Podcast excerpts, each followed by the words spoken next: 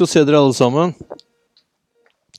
Jeg skal fortsette prekena som vi hadde på søndag. Det Prekena heter 'Åndens virkelighet'. Uh, og Så vi tar bare en liten sånn uh, En liten, hva kaller vi det, recap? En liten sånn oppsummering på hva, hva vi snakka Hva vi snakka Det var jeg som snakka, da. Dere hørte. uh, hva som ble snakket om. Ja, dere samtykka. Det var deilig. Takk skal du ha. ja. Vi snakka om åndens virkelighet, og jeg hadde utgangspunkt i det Lars delte om forrige tirsdag. Da han, begynte han, eller Et av skriftstedene han dro opp da, det var Johannes eh, kapittel 4, vers 23. Der hvor han sier at, eh, Jesus sier at den time den er kommet eh, nå. Den er nå, der hvor de sanne tilbederne skal tilbe Gud i ånd og sannhet. Og det ordet sannhet, det kan man også da eh, si er virkelighet. Ånd og sannhet, det ordet sannhet er virkelighet. Så vi tilber i åndens virkelighet. Uh, Amplified Bibel uh, sier det nettopp at uh, det ordet sannhet det står da i parentes 'reality'. og Jeg snakka litt med Lars også, han sier det fins andre oversettelser, norske oversettelser som oversetter her med virkelighet. Så når vi tilber Faderen, så tilber vi i åndens virkelighet. Og det er, litt, det er en veldig fin vinkling. Da. Det er en veldig fin eh, eh, Fordi at jeg har lurt veldig på hva er sannhet? Liksom, hvordan tilber jeg i sannhet? Liksom, hvilket platå skal jeg opp på for å kunne tilbe i sannhet?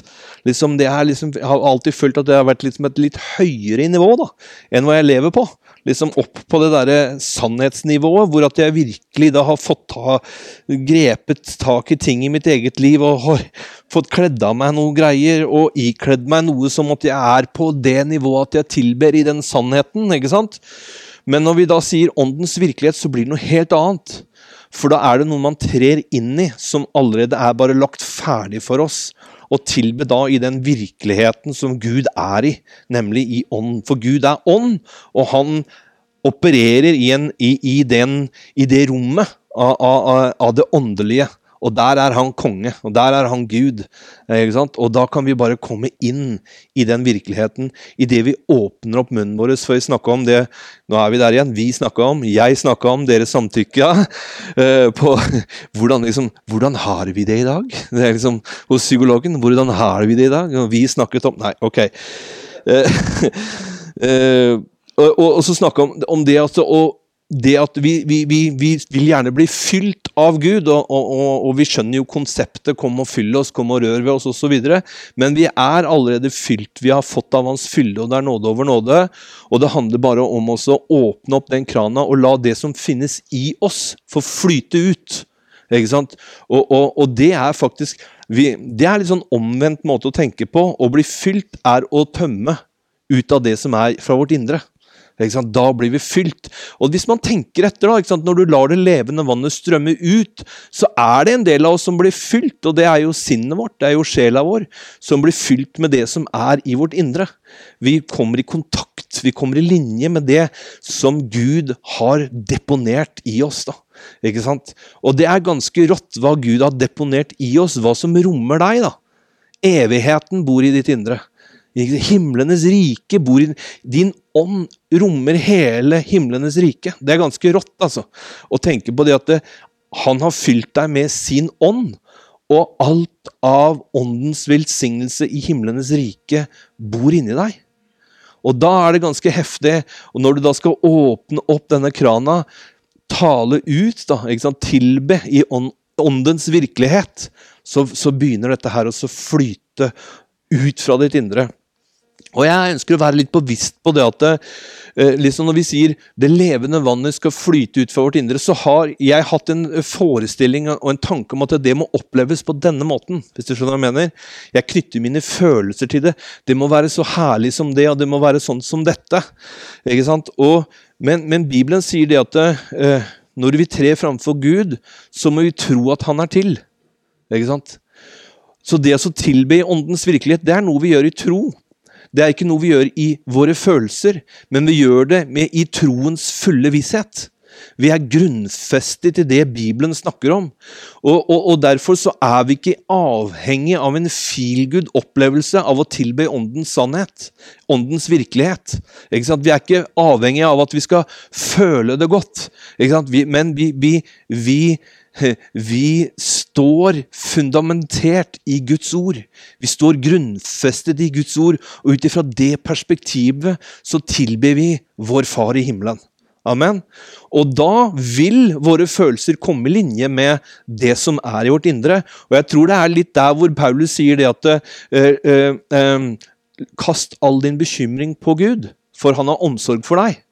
Og så tenker man ja, hvordan kaster jeg min, min bekymring? Oh, jeg kaster den på deg, Gud.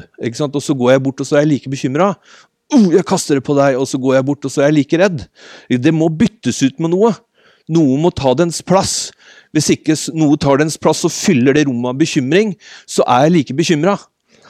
For Bibelen sier da Kast din bekymring, kom framfor Gud i bønn og påkallelse med takksigelse. La alle dine bønneemner gå til Gud. I bønn og påkallelse med takksigelse, så skal Guds fred bevare ditt hjerte og dine tanker i Kristus Jesus. Så Kristus må fylle det rommet av bekymring det rommet av bekymring ja, vi, hvordan, kaster jeg på, hvordan kaster jeg min bekymring på Herren? Jo, jeg tar opp det som Gud har fylt meg med, den ånden som er i meg, det, ånd, det, det ordet som ånden vitner om i mitt indre. Løftene som han vitner om, sannheten, den virkeligheten der, den tar jeg opp. Og så vil Guds fred bevare mitt hjerte og mine tanker i den virkeligheten som er stadfestet av Gud gjennom sitt ord. Og da har jeg et anker å forholde meg til. Da har jeg en grunn å forholde meg til. Da kan føle, For at det følelsene våre Det var en som sa Jeg så en snutt på, på nettet hvor en person eh, snakka om følelser. Og, han, og, og, Jeg tror ikke det var en sånn kristen greie, men, men konklusjonen til han som intervjua, han sa at følelser ja, du, du, liksom, du, du, lever ut fra følelser osv. Ja, ja, men det må du slutte med, sånn. Og, og, det blei på en sånn, sånn stillhet, hvor alle stussa litt på det han sa. Men det er sant. Vi må slutte å leve etter følelsene våre.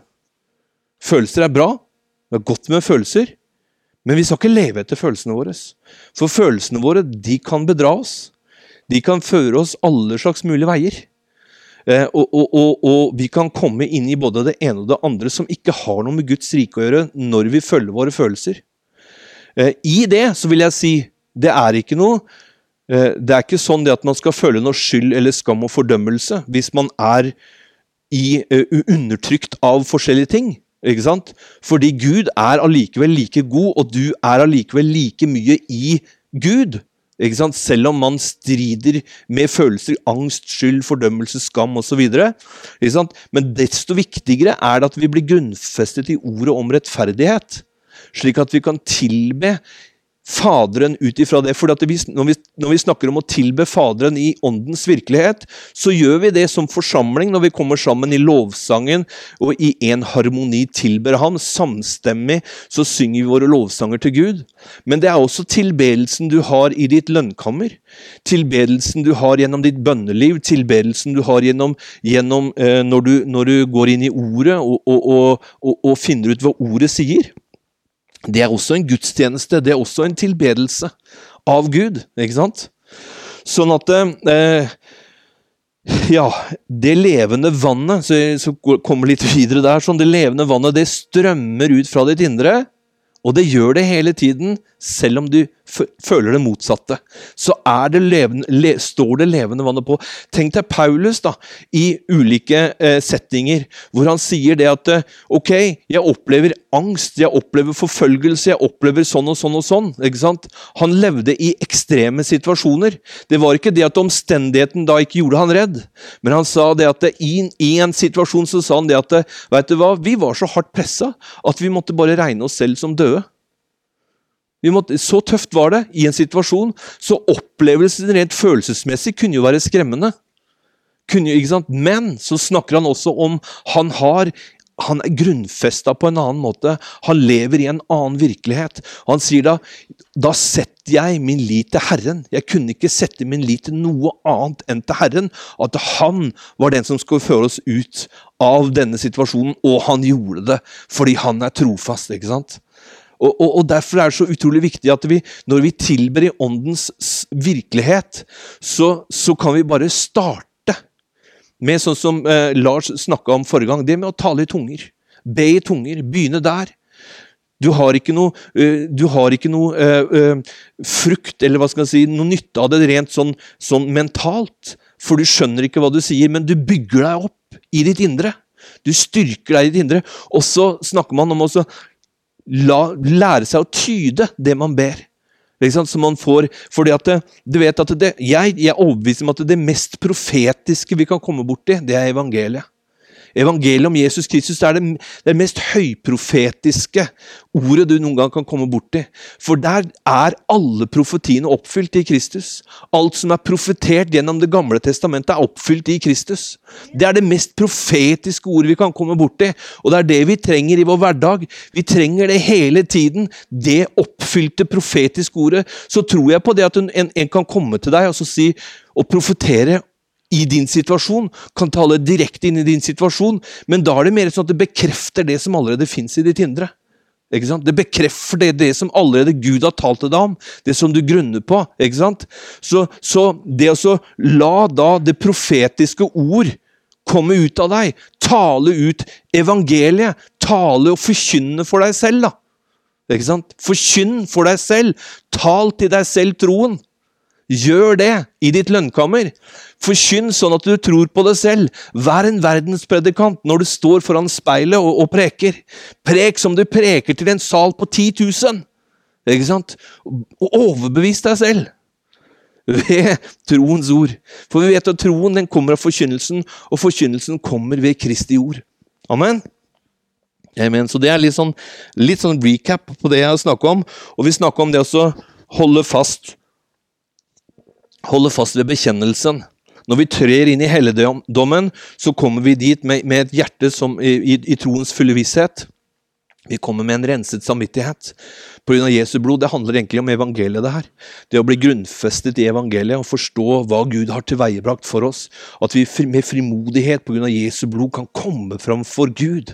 Fordi at jeg hadde lært en sånn teknikk før av lovprisning, hvor at jeg skulle gå inn i for, foregår nå i det hellige og det aller helligste. og Det ble en sånn teknikk som ble litt vanskelig for meg. da.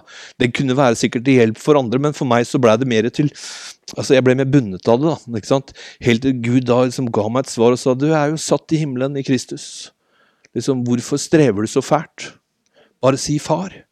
Og så tenkte jeg ja, far, her er jeg. Der er du. Yes, med en gang. Det er ikke langt unna. Snakker vi da om ordet som er oss nær i vår munn og vårt hjerte. Han, vi behøver ikke gå høyt opp, behøver ikke gå langt ned. Han er der. Han er ved det ordet som han viser deg. Der er han. Hos deg, nær til deg, hele tiden. Ikke langt unna.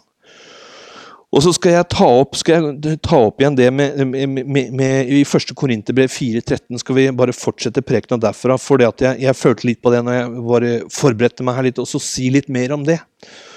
Eh, at Paulus sier at det, siden vi har den samme troens ånd, sier han i, i, i 2. Korinterbrev 4,13, så sier han men siden vi har den samme troens ånd, slik det så skrevet, jeg trodde, derfor talte jeg. Og da siterer han eh, fra Salme 116, vers 10, hvor, hvor, David sier, 'Jeg trodde, selv om jeg sa jeg er hardt prøvet'. For det er utrolig viktig at vi forstår det at, eh, at hvis vi opplever situasjoner som er tøffe og vanskelige, så betyr ikke det at vi ikke tror. Det betyr bare det at eh, situasjonen rundt oss er tøff og vanskelig. Men da er det utrolig viktig at vi går inn i åndens virkelighet. At vi går dit. Og at vi, Det er ikke farlig å si det at eh, dette er tøft, dette er vanskelig, dette er hardt. Du bare snakker om eh, realitetene, hvordan den verden vi lever i, er. Men han sier 'jeg trodde, selv om jeg sa'. Jeg er hardt plaget. ikke sant?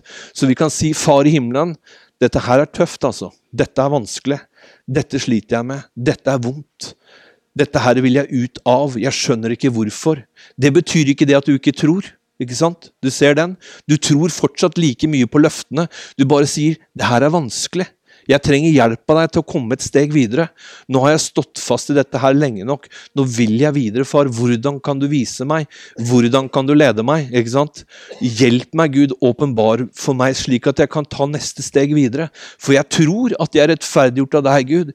Jeg tror at jeg er hellig og feilfri og angripelig, men jeg sliter med denne skammen. Jeg sliter med denne skylden. Jeg sliter med denne fordømmelsen. Jeg sliter med disse lystne. Jeg sliter med disse lastene. Jeg ønsker ikke, jeg ser ser, Gud, gjennom ditt ord, hva du har tilveiebrakt for meg gjennom Jesus Kristus, og jeg tror på det. Det er bare veldig vanskelig å vandre i det. Fordi at vi lever nemlig i denne åndelige sfæren hele tiden. Vi lever, for vi er Det står det at uh, uh, når vi lever i ånden, står det. Vi lever jo i ånden. Så la oss også vandre i ånden. Ikke sant? Når vi er lysets barn, la oss leve som lysets barn. Så det vi er, det er vi i Kristus. Vi er grunnfestet i hans rettferdighet. Det er vi fordi vi har kommet til tro. Vi er lydige av hjertet fordi vi har kommet til tro. Vår lydighet er ikke ut ifra de tingene vi gjør, men vår lydighet er ut ifra hva vi tror, og hvem vi tror på. Og gjennom den lydigheten så har han tilveiebrakt alt for oss. Gjennom den lydigheten så har vi i ham fått alle løftene oppfylt. Amen. Gjennom, for alle løftene har i ham fått sitt ja, og alle løftene har ved ham fått sitt amen. Gud til ære ved oss. Så alle disse tingene har han allerede tilveiebrakt. Når vi da er i ulike situasjoner, så er alt sammen tilveiebrakt. Amen. Og det er ikke farlig hvis vi kommer til Gud og sutrer litt over at det er litt tøft og vanskelig nå. Så vil han gjerne at du skal komme og sutre hos han. Mm, jeg tror han vil det, fordi at det, ditt hjerte er oppriktig.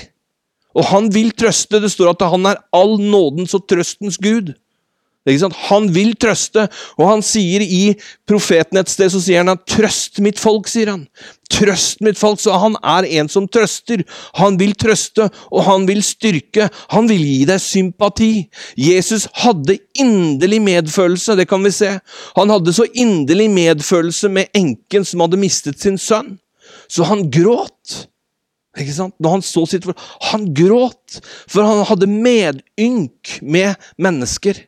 Og det er ikke sånn at Gud har mistet medynken sin for Jesus sto opp fra de døde. Ikke sant? Og nå er vi sånn bare Jesu navn, vi er bare der. Nei, vi trenger den siden av Gud. Vi trenger å oppleve hans farsomsorg. Vi trenger å oppleve hans, hans kjærlighet og hans barmhjertighet. Vi er avhengig av det. Vi trenger det. Men Gud vil ikke at vi skal forbli i sutringa vår. Han vil alltid gi oss en mulighet til vekst. Kom til meg, alle dere som bærer tunge byrder og strever. Tror du alle de som kommer til ham, kommer 'Halleluja, jeg har så tøft i livet'. Oh, Oh, oh, det er så tøft å leve! Halleluja! Nei, man kommer med et blikk som er ned, og man, er, man bærer tunge byrder. Og Jesus sier da 'Kom da til meg'. Og det er det vi gjør, nemlig når vi tilber i åndens virkelighet. Så kommer vi der med de tingene som vi bærer på, og byrdene våre som er vanskelige og tunge. Situasjonene vi er i. Vi kommer dit, til vår gode far, som elsker oss, og som vet hvordan han skal hjelpe oss. Han vet hva han skal si til oss, og han vet hvordan han skal åpenbare ting for oss. Og noen ganger så kan det føles ut som han ikke er der, men han er der. Mm. Han er der. Jeg driver og, lærer dattera mi å spille gitar.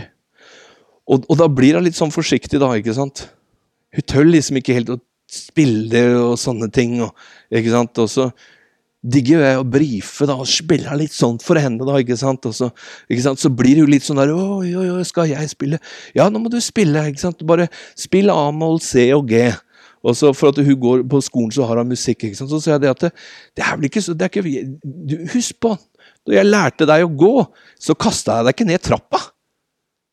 Ikke sant? For ikke du kunne gå med en gang. Det var ikke sånn, du kan ikke gå! Og da begynte jeg å le, for da skjønte jeg det.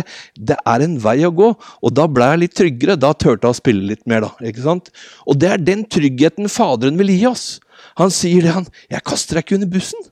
Om ikke du får det til første gang, kaster jeg ikke deg under bussen. Det er bare prosessen du skal igjennom for å lære. Og det er jo sånn med små barn når de skal lære å gå, så det kommer til å bli gråt. For de kommer til å falle. Men det er gjennom det at de faller, at de lærer å gå. Ja. Det er gjennom det at du faller, at du lærer Guds nåde å kjenne. Det er gjennom det at du faller, at du lærer Guds omsorg og godhet å kjenne. Og Gud, Det er derfor Bibelen sier at Gud bruker enhver situasjon du kommer inn i, og han vender den til det beste for deg. Han har en fantastisk evne til å vende alle situasjoner til det beste for oss. Amen. Alt hva vi går igjennom, så gjør han det slik fordi at det vandringen, skjønner du, det å være en tjener av Guds rettferdighet Frukten av det er helliggjørelse. Ikke ved at du tar deg sammen, men bare det at du er en tjener. Bare det at du tjener Guds rettferdighet, så er frukten helliggjørelse i livet vårt. Amen. Helliggjørelse er ikke noe du tar deg sammen for å få. Helliggjørelse er noe som vokser frem i livet, og en frukt som du høster gjennom livets vandring. Akkurat som et barn lærer seg å gå, etter hvert så lærer det barnet balanse og hvordan det er å ta ett ben foran det andre. Etter hvert så blir det barnet flink til å gå, og etter hvert så begynner det barnet å løpe, og etter hvert så begynner du å angre på at du lærte barnet ditt å gå. For plutselig så må du passe på alt mulig rart som det barnet nå får tak i. Nei, nei, nei, nei, nei, ikke ta det! Ikke sant? Og så må vi putte pyntegjenstandene bare litt lenger opp, så ikke ungene Ja, hvorfor sa jeg det? Si det. All right. Jeg tror, derfor taler jeg, men siden vi har den samme troen, sånn slik det står skrevet Jeg trodde, derfor talte jeg. Du tror, derfor taler vi. Så tror også vi, og derfor taler vi. Der, å tale er viktig. Hvordan skal du få da det leve vannet til å flyte ut fra ditt indre? Jo, ved det at du taler. I bønn så taler du til Gud. Du taler ut løftene. Du holder fast ved bekjennelsen av ditt håp. Du holder fa Han er trofast, han som ga løftet. Du holder fast ved det ved å sitere det. Ved å sitere Guds ord, så holder du fast ved det. Du holder fast ved det som allerede er etablert. Amen. Du holder fast ved det Gud allerede har tilveiebrakt for deg. Det ligger der, og vi forløser det gjennom vår tale, ved at vi taler ut løftene. Det kan oppleves som veldig, veldig merkelig. Det kan oppleves som veldig motstridende i forhold til hva vi føler. Vi kan leve under sterk press av engst, angst og, og, og, og, fordømmelse og skyld og skam, men så taler vi ut. Jeg er rettferdiggjort av deg, Gud far. I dine øyne er jeg hellig, feilfrø og angripelig. Kona mi har lært meg flere ting, men en ting som hun har lært meg som er veldig viktig, hun sier det at eh, livet med Jesus er nødt til å være enkelt for henne. Fordi at det, det andre livet er så vanskelig. Så livet med Jesus må være enkelt. Jeg er elsket av Gud. Han er for meg, han vil meg bare vel. Det må være enkelt. Og det er en sånn utrolig god tilnærming til Jesus, da. Det er enkelt å komme til han. Jeg tror Gud vil at vi i alle situasjoner med en gang skal si far. Og snakker jeg om de situasjonene vi klarer å rote oss opp i, de tingene som ikke er til behag for dem, de, de skrøpelighetene man jobber med, ting som vi ikke er så stolt av, som vi skjuler. Som vi ikke står på plattforma og sier 'se på meg', ikke sant? men som vi skjuler. Men Faderen ser alle ting, og han vil da si 'barnet mitt, kom med en gang'. Ok, du falt en gang til, men, men det her er en del av det å lære seg å gå. Dette her er en del av å lære nåden å kjenne, slik at nåden kan oppdra deg til å si nei til disse områdene i livet. Slik at nådens, sånn som Jesus sa, nåden og sannheten, eller nådens virkelighet, kan bli presentert for oss. For Faderen vil bare åpenbare dette for oss, fordi han har omsorg for oss. Og han vil lære oss denne trosvandringen og denne vandringen i hellighet. Og det gjøres nettopp ved at vi forløser det gjennom vår tale. Ikke at vi skal være redd for å bekjenne feil. Fordi at En annen plass i salmen så sier David om jeg sier min fot vakler, så holder din miskunnhet meg oppe. Det er en del av prosessen, alt sammen. Det er en del av læringen, alt sammen. Gud detter ikke av tronen. Han er stabil, han er trygg, han er en klippe. ikke sant? Han er noe vi kan søke til hele tiden. Han blir ikke redd for ditt raseri eller sinne. Han blir ikke redd for dine overtredelser eller mangler. Nei, han er så trygg og stabil.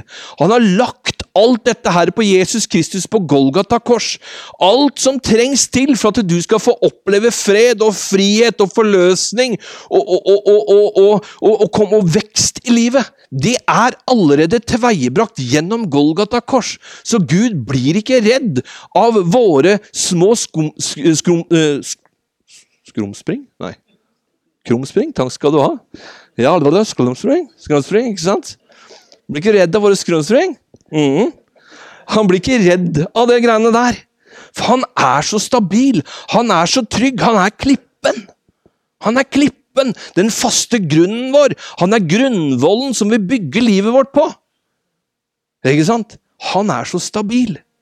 Og vi trenger den stabiliteten i vårt liv når vi skal vokse. Vi trenger den der trygge grunnen når vi, skal, når, når vi skal vokse i Gud. Så trenger vi det. Amen. Og etter hvert, når vi blir trent opp i dette her Sånn som jeg sa, det at noen tror at det fins ikke tilrettevisning ved nåden, men det gjør jo det. Det er masse tilrettevisning i Guds nåde, men det tilrettevises på en helt annen måte enn hva loven gjør. Ikke sant? For loven den, den, den, vekker vrede, står det. Loven den, den bringer fram en vrede som, som, som, kommer, som gjør at vi fyller Sånn som Adam i Edens hage sa 'Jeg er redd', sa han. Når, når Gud kom. 'Jeg er redd'. Loven vekker den vreden fram så vi blir redd. Men nåden, nådens virkelighet, den sier heller ikke 'jeg fordømmer deg'. Jeg har forsont deg med Gud. Jeg har gitt deg min fred. Amen. Og så må vi gjennom dette her lære Gud å kjenne på denne måten, slik at vi vokser ved rettferdsord. Amen. Og det gjøres nemlig gjennom det at vi forstår at vi har troens ånd. Vi har fått den samme ånd. Vi har troens ånd. Derfor, når du taler i tro Og jeg bare taler i tro! Det er ikke dermed sagt at du taler i tro for du roper så høyt. Tro er ikke, tro er ikke definert av volumet du bruker på å rope ut et ord. For hvis ikke så hadde ikke hun kvinnen som tenkte ved seg selv om jeg bare får røre ved kanten av hans kappe, så hadde ikke hun blitt helbreda. Nei. Troen er hva du sier til deg selv. Troen er hva du er overbevist om. Så kan du gjerne rope det ut, og i noen tilfeller så er det bra å rope det ut. Og forløse ting gjennom å knalle tillit. Men andre ganger så er det bra bare å være stille også. Det er ikke sant? Så troen er definert ut fra din hjertes relasjon med Gud. Amen. Av hjertet er du lydig, imot troen som du er, eller den overbevisning du har. Over Ja, amen.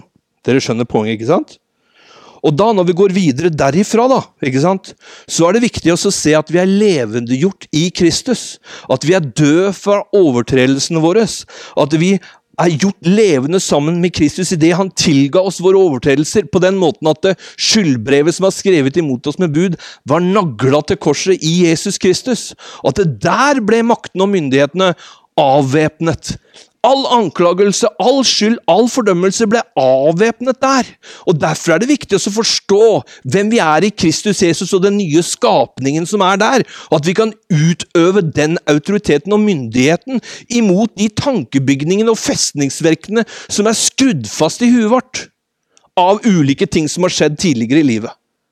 Amen. Og det er der Gud, og det er, derfor, det er derfor Bibelen sier det, at det, våre våpen er ikke menneskelige, de er ikke kjødelige, men de er mektige i Gud er de mektige til å rive ned festningsverk og tankebygninger. Og det gjør vi nemlig i kollektiv, som vi er nå i forkynnelsen, ved at jeg deler troen med dere, den troen jeg har. Og så hører dere på det, og så gir dere bekreftelse hvis dere kjenner det er riktig. Men selv går dere hjem og finner ut om det jeg har delt, er sant i forhold til Skriften. Dere stoler ikke på meg. Må ikke stole på meg. Nei, nei, nei, nei, nei. Hvis det er sånn at du tror du skal stole på meg, da har du bomma. Fordi at eh, jeg kan falle.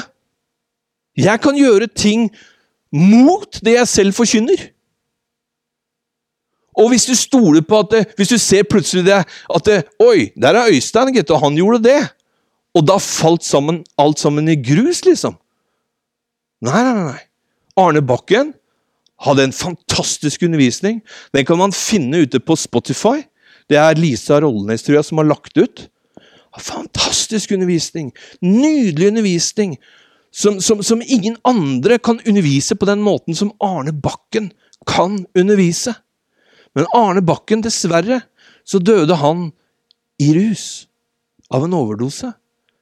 Av ting vi ikke vet hvorfor. Men vi skal ikke dømme vår bror for det. Vi har ikke peiling hva som har foregått i hans sitt liv, eller relasjonen han har hatt med Gud.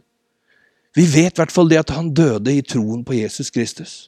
Og han er i himmelen hos Faderen nå. Budskapet som han forkynte, er like viktig, det er like reelt, det er like kraftfullt. Selv om han vakla til slutt Enevald Flåten. Budskapet han hadde, like reelt, like viktig, selv om avslutningen på hans liv ikke blei optimal. Amen. Så du bygger din tro ikke på hva en predikant sier til deg, og stoler på han, men du bygger på det predikanten forkynner om, Kristi ord. At du kjenner 'yes', det gir tilsvar inni meg.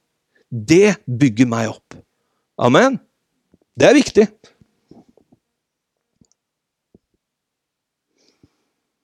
Amen. Du skjønner, arven som vi har fått, arven som vi har fått ifra Gud, det er den ånd som han har gitt oss. Han har gitt oss sin hellige ånd som pantet på vår arv. Vi er Guds arvinger og Kristi medarvinger. Det er vi. Ingenting kan endre på det. Ingenting som jeg gjør feil, eller kan endre på den arven jeg har fått ifra Gud. For den er fundamentert på korset. Den er ikke fundamentert på hvor flink jeg er til å følge bud som tar ikke, smaker ikke, rører ikke. Og det samme gjelder deg. Den er fundamentert på din tro. Det er din arv. Og din arv, det er Guds rettferdighet. Som Den hellige ånd er pantet på. Mm. Og når du har fått Guds rettferdighet, så er du ikledd en myndighet. En myndighet fra Gud. En autoritet som Gud har gitt deg. Myndighet over synd på den måten at han sier det at eh, når, eh, Sånn som Jesus døde en gang for synden, sånn er du også død for synden. Og levende for Gud i Jesus Kristus. Og det står om det i Romerne 6 der. Når vi nå da er levendegjort på den måten, så skal vi ikke la synden ha herredømme i vårt dødelige legeme, sier han. Siden du er ikledd Guds rettferdighet, så har du myndighet over synd. Du har myndighet over den synd som fins i ditt dødelige legeme. Er vi ikke frigjort fra synden? Romerne 7 sier at det, så er det ikke lenger jeg som gjør det, men synden som bor i meg, sier han. Det sier han. Ånden er, eh, Loven er åndelig, men jeg er kjødelig. Og Da snakker han om den kjødelige delen av et menneske. Og Han sier at jeg er fortvila over meg sjøl, for jeg gjør de tingene jeg ikke har lyst til å gjøre. Så er det ikke lenger jeg som gjør det, sier det er oppsummeringa til Paulus. Det er ikke lenger jeg som gjør det, men synden som bor i meg. Så jeg, hvem skal fri meg fra dette dødens legeme? Jeg som jeg er, sier han, som helhet, som ånd, sjel og kropp, tjener Guds Guds lov med mitt sinn. Med mitt indre så tjener du Guds lov, men med ditt kjød så tjener du synden. Og derfor er det nemlig ikke noen fordømmelse for deg. Fordi du er i Kristus Jesus. Derfor kan du ha herredømme over synden, kjødet. Du kan bestemme deg for at 'jeg skal vandre i ånden'. Jeg skal ikke fullbyrde kjødets lyster. Jeg skal vandre i ånden. Og det kan være en fortvilende greie. for Det er nemlig her veksten er. Det er nemlig her utviklinga er. At vi ved Guds nåde forstår dette. At vi forstår for det første hvor høyt elsket vi er. Hvor trofast og miskunnelig Gud er. Hvor barmhjertig han er, hvor interessert han er i deg. Tenk at han er så interessert at hver eneste dag, når du står opp, så teller han hårstrået dine. Så interessert er han i deg. I dag er det så mange tusen hårstrå. Ja. ja. Fører han opp Excel-arket sitt. så bare, det, var, det var litt færre enn i går, men ok, kjempefint. Ikke sant? Han er så detaljert interessert i deg og vil deg bare det beste hele tiden. Ikke se så rart på meg. Han vil, han vil deg det beste hele tiden. Ikke sant? Sånn at den veksten som vi er i den prosessen av å forstå Guds nåde og utvikle oss, det, den myndigheten vi har fått der gjennom den rettferdigheten, er utrolig viktig for vår vekst av å forstå det at det er ikke alle ting vi behøver å finne oss i. Det er ikke alle tingene som kommer imot oss som vi behøver å finne oss i. Det er ikke alle sinnsstander vi er i som vi behøver å finne oss i. Det er ikke alle ting som presser oss ned som vi behøver å finne oss i og utholde. Nei, vi har fått autoritet, og vi har fått myndighet til å tale ut vår tro med myndighet drive tilbake de tingene som kommer imot oss. Dette her er også å, et, å tilbe i åndens virkelighet. Det her er også entre åndens virkelighet. og vandre i den ånd. Vandre i det livet som Gud har tilveiebrakt for oss. Og i dette så er det vekst. Og det er derfor jeg sier det at det, det er ikke alltid det føles godt, at vi har en feel good-følelse. Når vi da vi behøver ikke ha det, for å si det sånn. For vi kan bare si 'far', og så er han der. Far, så er vi der. Amen. Halleluja. Det står nemlig ved Jesaja, og jeg skal avslutte med det. Så står det Jesaja 54, fra vers 14 til 17. Ved rettferd skal du bli grunnfestet. Og jeg må si litt forhistorien til dette. For jeg levde i mange år med med angst og frykt. Eh, I større eller mindre grad av angst og frykt. Og Det kom inn i livet mitt fordi jeg prøvde så intenst å tjene Jesus. Å leve sterkt for ham. Å være en som elska Jesus. Å være en som øh, jeg, prøvde å være høyt og lavt hele tiden. Å, Jesus med her og Jesus med der.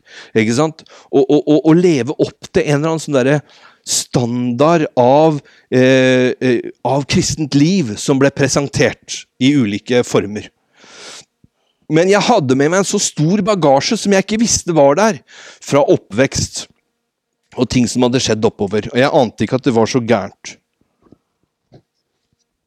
Men jeg har forstått etter hvert at det, det var litt galt. Og istedenfor at jeg fikk jobbe med den siden av meg selv, at jeg kom inn i et, i et, samfunn som kunne legge hånda rundt meg og si 'ta slapp av, gutten min'. Ikke sant? Du bør ikke stresse så fælt. Husk at han er med deg. Husk at han elsker deg. Du er ikke nødt til sånn eller slik. Bare slapp av litt. Ta det litt med ro. Ikke sant? Så prøvde jeg hele tiden å leve opp til den standarden å være radikal og være troende og stå på for Jesus. Og til slutt så takla ikke sjela mi det lenger. Så sier jeg altså at dette, dette orker jeg ikke, sånn. Dette vil jeg ikke! Den var internt, eh, ja. Dette orker jeg ikke, dette vil jeg ikke være med på, sånn. Så, og, og, trakk seg tilbake. Og, og, og, så kom bare en sånn panikkangst og en frykt for at jeg følte at jeg hele tiden synda, og jeg klarte ikke å leve dette her sterke kristne livet. Og så, så kom da denne angsten inn, og den påvirka meg i mange, mange, mange år. Og øh, jeg søkte Gud øh, Altså, ja øh, jeg skal ikke si så mye om det, men i hvert fall så leda Gud meg i ulike situasjoner gjennom å høre Andrew Womack eksempel, hørte mye på han, hørte mye på Joseph Prince. Og, og, og, det budskapet de kom med, det begynte å etablere seg i meg. Og så leda Gud meg til det skriftstedet her, som har stått her i flere tusen år. Jesaja, Jesaja 54. så står det ved rettferd skal du bli grunnfestet. Jesaja 41 var også et skriftsted eh, som, han, som han leda meg til. I forhold til det at eh, jeg skal ikke være redd, for han er med meg. Ikke sant? Frykt ikke, jeg er din Gud. Jeg hjelper deg, jeg styrker deg, jeg holder deg oppe med min rettferds høyre hånd.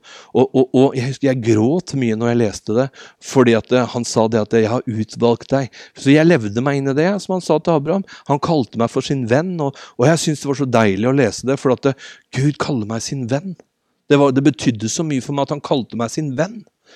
Og, også at han ut, så står det 'Jeg utvalgte deg fra, fra langt ut i Hutteheita'. Det er det han egentlig sier. da. Fra verdens ender. Der, der, der, tok jeg tak i deg. Og det var sånn jeg opplevde at livet mitt var følelsesmessig. Langt ute i Hutteheita. Jeg var så langt i periferien. Jeg var så, Åssen skal det gå? Jeg klarer ikke å få det til. Men ut fra det så sier han 'Jeg utvalgte deg ut ifra det'. Og kalte deg for min. Du er min venn. Og jeg har sagt til deg, du skal ikke frykte, for jeg er med deg. Du skal ikke være redd, for jeg er din Gud. Jeg hjelper deg, jeg styrker deg, jeg holder deg oppe fra din rettferdighets hånd. Og så sa han også det at står det der at du skal leite etter det, det, som angriper deg. Du skal leite etter og ikke finne det. Og til å begynne med så var det nei, men ikke vanskelig å ikke finne det. Det var der med en gang. Men over tid så har det blitt vanskeligere og vanskeligere å finne det jeg har vært redd for. Og jeg har spurt Gud hvorfor. Hva er det som har skjedd? Og så er det bare det at det, Fokuset ditt er annerledes, gutten min. Du er grunnfestet mer i rettferdsord. Det har etablert seg mer i sinnet ditt enn før. Og det har gitt deg en fred og en trygghet som ikke du kan tilegne deg selv, men som kommer ut ifra åndens virkelighet. Amen? Og Da skal vi avslutte med å lese det. Ved rettferdighet skal du være, bli grunnfestet. Være langt fra angst for du skal ikke ha noe å frykte. Og fra redsel, for det skal ikke komme nært til deg. Og Det er derfor jeg sier at det er ikke alltid det oppleves sånn. Men nå snakker vi om hva vi er grunnfestet i Kristus, og hvilken myndighet og autoritet Gud har gitt oss for å håndtere det som kommer imot oss. Se, om de slår seg sammen mot deg, så er det ikke fra meg, og det er viktig å forstå. Hvis det er noe som slår seg sammen mot deg og skal ta deg, det er ikke fra Gud. Hva vil du med dette, Gud? Absolutt ingenting. Det er ikke fra meg. Eh,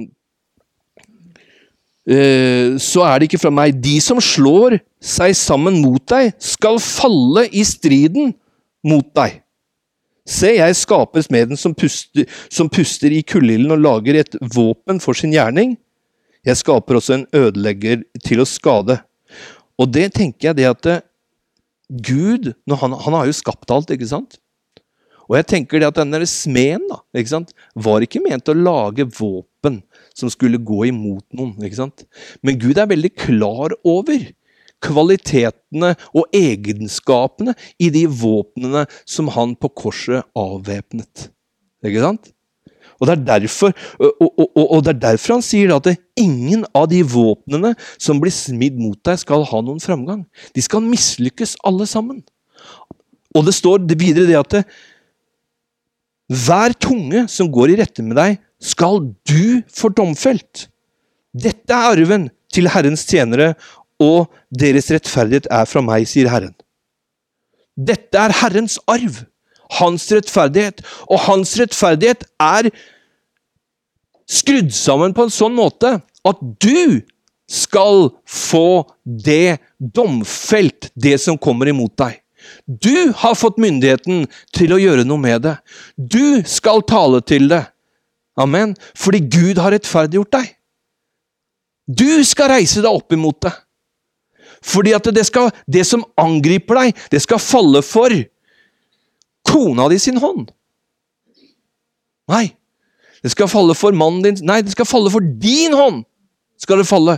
Du skal utøve myndigheten imot en urett som kommer imot deg. Imot det som undertrykker, for det står at det ondskapens trone, eller undertrykkelsens trone, bruker faktisk loven til å volde ulykke i våre liv.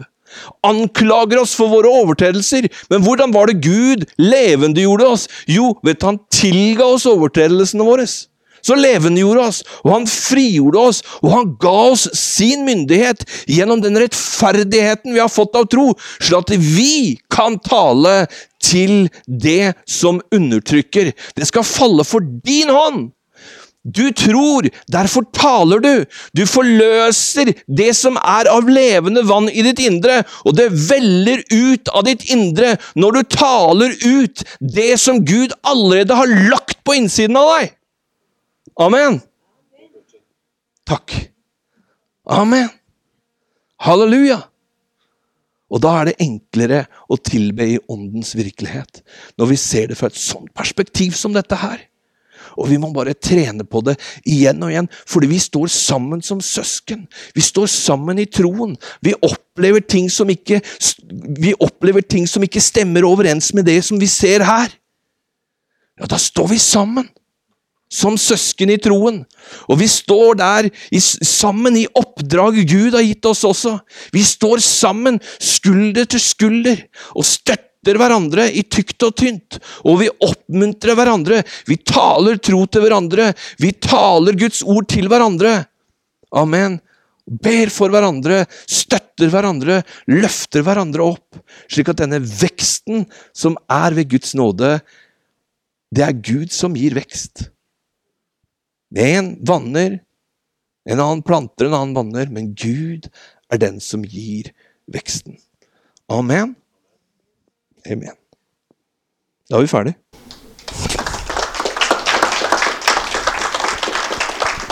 thank